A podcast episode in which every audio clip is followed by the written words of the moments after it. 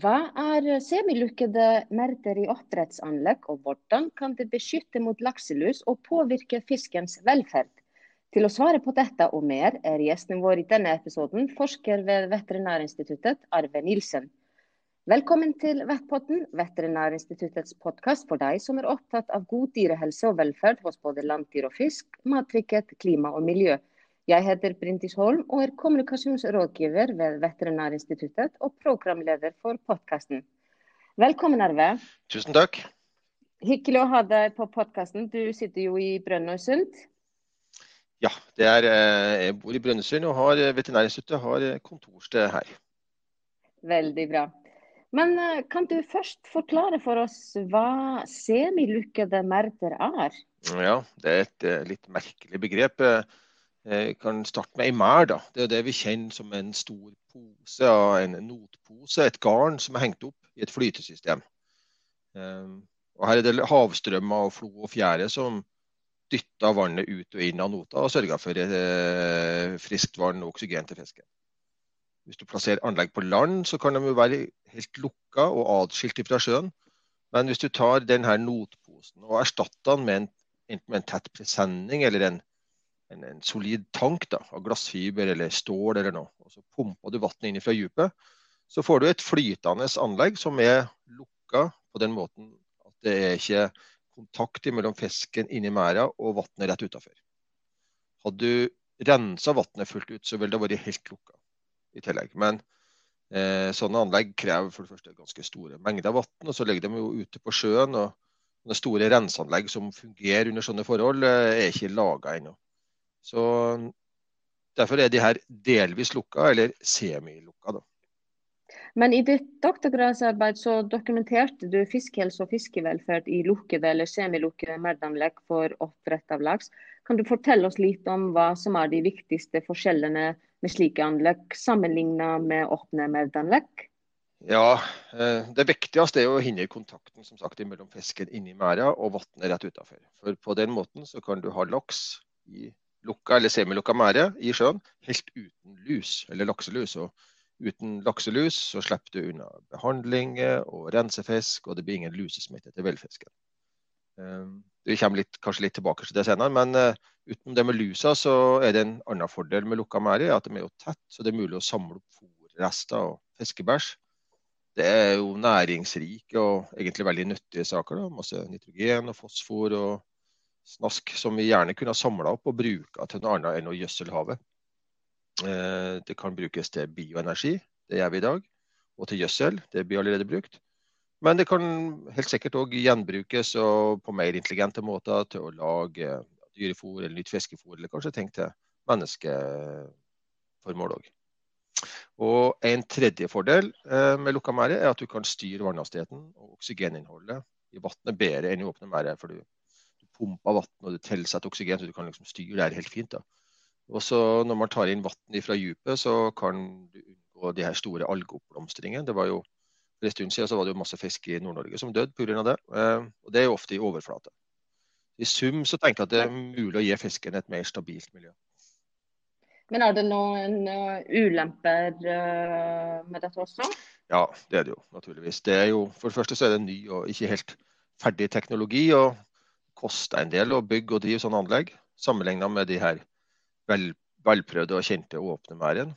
Og det jo, blir jo litt begrensa utskifting av vannet, og det kan bli oppsamling av partikler, bakterier og andre smittestoffer. Derfor er det veldig viktig å sikre god gjennomstrømming av vann hele tida. Det er viktig å ha en god helsestatus på smolten som settes ut. og Det er òg viktig har vi sett, å ha god tid til å tømme og rense lokalitet, og mære og utstyr mellom hver gruppe av fisk, det som vi kaller for brakklegging.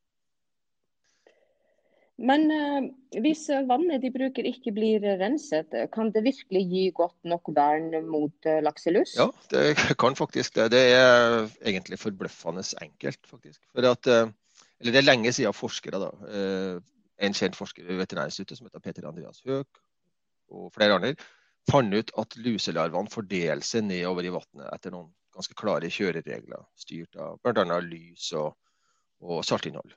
For lusa hun lever jo på fisken størsteparten av livet, men for å lage nye lus, så må de her holusene eller lage egg og slippe dem ut i sjøen.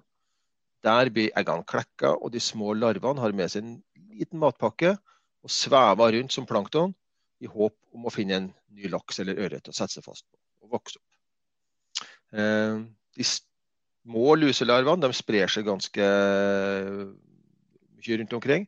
Mens når de begynner å bli større og skal finne en fisk, så begynner de å svømme mer oppover mot lyset. virker det som. Og de søkker aller så dypt at vi får dem inn i det vannet som pumpes inn.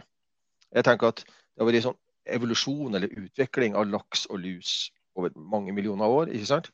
Eh, og lusen har utvikla en strategi som sikrer best mulig overlevelse for dem sjøl. Så hva betyr det? Nei, når larvene skal finne seg en laks, da, så begynner de å svømme oppover mot lyset. For det er der det er størst sjanse for å finne en laks. For Laksen vandrer i fjordsystemene, og ørreten står på bestemte plasser. Og de er ikke så veldig dypt nede. Så eh, lusa har vent seg til da, over ganske lang tid og leter etter laks ganske langt opp i, i, i, i vannet. Og hvis vi henter inn dypere vann, si 20 meter, så lurer vi de luselarvene og unngår hele problemet. Akkurat. Men uh, hvordan har man forsket på semilukkede merder, og, og, hva ønsker man å finne ut av det? Ja, det, er jo, det er jo flere som har jobba med lignende prosjekter. men Jeg kan jo se mest om det vi har holdt på med sjøl. Eh, det starta egentlig litt tilfeldig. for jeg har kontor eh, for Veterinærstudiet i, i en næringshage like ved Brønnøysund. og Da var det et firma som ble starta der, som hadde lyst til å begynne å utvikle lukka merdanlegg. Og vi ble kobla opp med en gang, og vi, eh, vi satte oss ned og studerte litteraturen. og eh, kikka litt på den plassen hvor de hadde tenkt å legge ut det anlegget. Det var rett utafor kontoret, egentlig. Var, der var det flere åpne merder fra før. Det var god strøm, og det var ikke minst masse lus. Det var en veldig fin plass å teste ut det her systemet. Eh, vi leste litt om eh, hvor eh, lusa liker å være, og så tenkte vi at 25 meters dyp skulle være en grei, en grei ting å teste ut. Og så På den tida så var det også, har lusa begynt å bli resistent mot legemidler, og folk var veldig motivert for å finne en, en måte å, å bli kvitt det lusa på med ny teknologi. Så det var en god plass for å teste dette? Det var den beste plassen, absolutt. Eh, og, vi, ja. Og, hvilke, ja, og hvilke, spørsmål stilte dere da? Ja, I starten så var det ganske enkelt. Da. Det var liksom to hovedspørsmål. Det ene var funka det mot lus? Det var det, som det store 1000-kronerspørsmålet. Og så var, det, så var vi selvfølgelig òg opptatt av om det her vil bli bra forhold for fisken inni sånne tette poser. Hva var svarene på disse spørsmålene? Det første spørsmålet, om det funka mot lus, det var utrolig eh, bra svar på. Det var ja, absolutt. Lusa forsvant fullstendig når vi brukte denne typen anlegg. Eh, og det, og det andre spørsmålet? Ja, Om fisken hadde det bra, så var svaret meg tja, ikke helt. Og Fordi... ja, det var først og fremst så var det Det kom altfor lite vann gjennom i denne første prototypen. Det var ja, pumpen funger, altså leverte ikke så mye vann som vi hadde trodd. Og ikke minst avløpssystemet var alvorlig underdimensjonert og slapp ikke gjennom nok vann, rett og slett. Men eh, etter at de fant ut dette, hva, hvordan jobbet dere videre da? Nei, det var, For firmaet så var det jo å bygge nytt, eh, rett og slett. Eh, bedre teknikk, få med gjennom mer vann, prøve på nytt.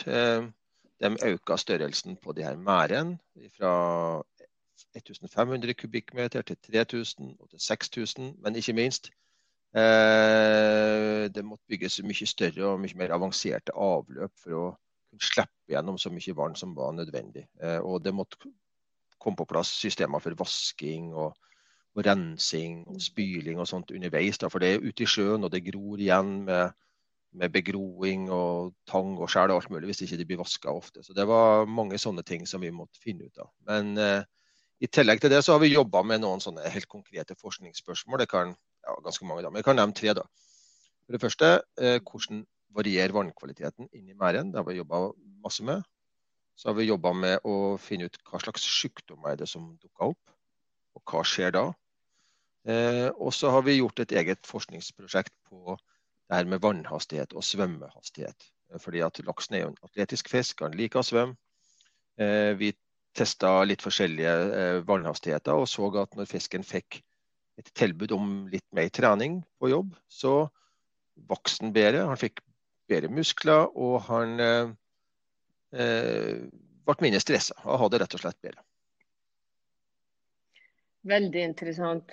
Og hva, Hvis du oppsummerer litt hva forskning viser om uh, hvordan disse systemene kan påvirke fiskens helse og velferd, hva sier du da? Ja, først vil jeg si at uh, det er kanskje litt tidlig å trekke sånne supersikre uh, konklusjoner, men vi har jo en god del erfaring etter hvert. Og vi har sett at det er mulig å fòre fram fisk i sånne lukka anlegg og samtidig ha veldig god fiskehelse og velferd. Vi har eh, to ganske store grupper som går nå, eh, hvor vi har rekordgode resultater. rett og slett, og Veldig spennende å følge med på det. Eh, eh god vannhastighet og stabil vannkvalitet, pluss at du slipper lus og det her med lusebehandlinger, tenker jeg er litt av mekanismene for at du får god vekst og sterkere muskler og en robust fisk. og folk som har jobba med andre eh, typer sånn lukka merdsystem, har sett mye av det samme. Eh, men alle som har drevet med lukka anlegg ute i sjøen, har òg opplevd hendelser hvor det har gått gærent på en eller annen måte. Og Det vi har hatt trøbbel med hos oss, det er episoder med sår og med gjellebetennelser. Og eh, det er jo biologiske, helsemessige og velferdsmessige utfordringer som vi jobber mye med for å forebygge. For her er det ikke noe behandling, egentlig. Det er forebygging eh, som, eh, som gjelder her òg. Og det er mm, mer teknikk som skal holde styr på i sånne lukka anlegg. Og jeg mener at å drive sånne anlegg og få det til eh, på en bra måte for fisken og alt, krever mer kompetanse og mer oppfølging kanskje enn å, enn å drive i åpne systemer. Men hvilken betydning kan eh, denne teknologien ha, og hva kan den løse videre? Ja, umiddelbare gevinsten er å kunne drive ute i sjøen med ganske lave kostnader og lite miljøinngrep ved bygging sammenlignet med landanlegg, og samtidig som man slipper det med lus. Eh, lusebehandling med medisin er ikke bra for miljøet. Lusa blir resistent. og, og Det med spyling og varmvann skader laksen. og Rensefiskbruken er jo ikke bra for rensefisken. Så det er mye å hente med å forebygge framfor å behandle. Så hvis vi har tid til å nevne det, da, så vil jeg gjerne legge til at dette er en veldig spennende vår vi går fram imot. For regjeringa skal legge fram en ny havbruksmelding. Eh, og fiskeriministeren har sagt at han ønsker mer oppdrett i lukka merde. Men i tillegg så er det jo veldig sterk utvikling nå av mer landbaserte anlegg og det her med offshore eller oppdrett til havs er eh, òg kommet, så det er mange som er spent eh, på hva som myndighetene kommer til å legge opp til nå, da, av rammebetingelser for, for utvikling av denne typen teknologi.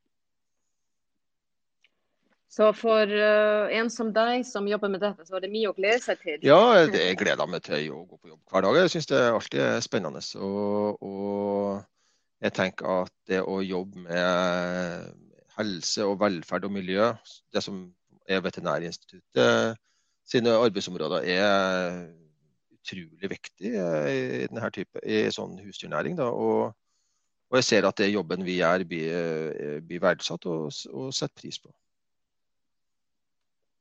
Og hva, hva, tenker du om det som du har lært om eh, fisk og miljø i havet?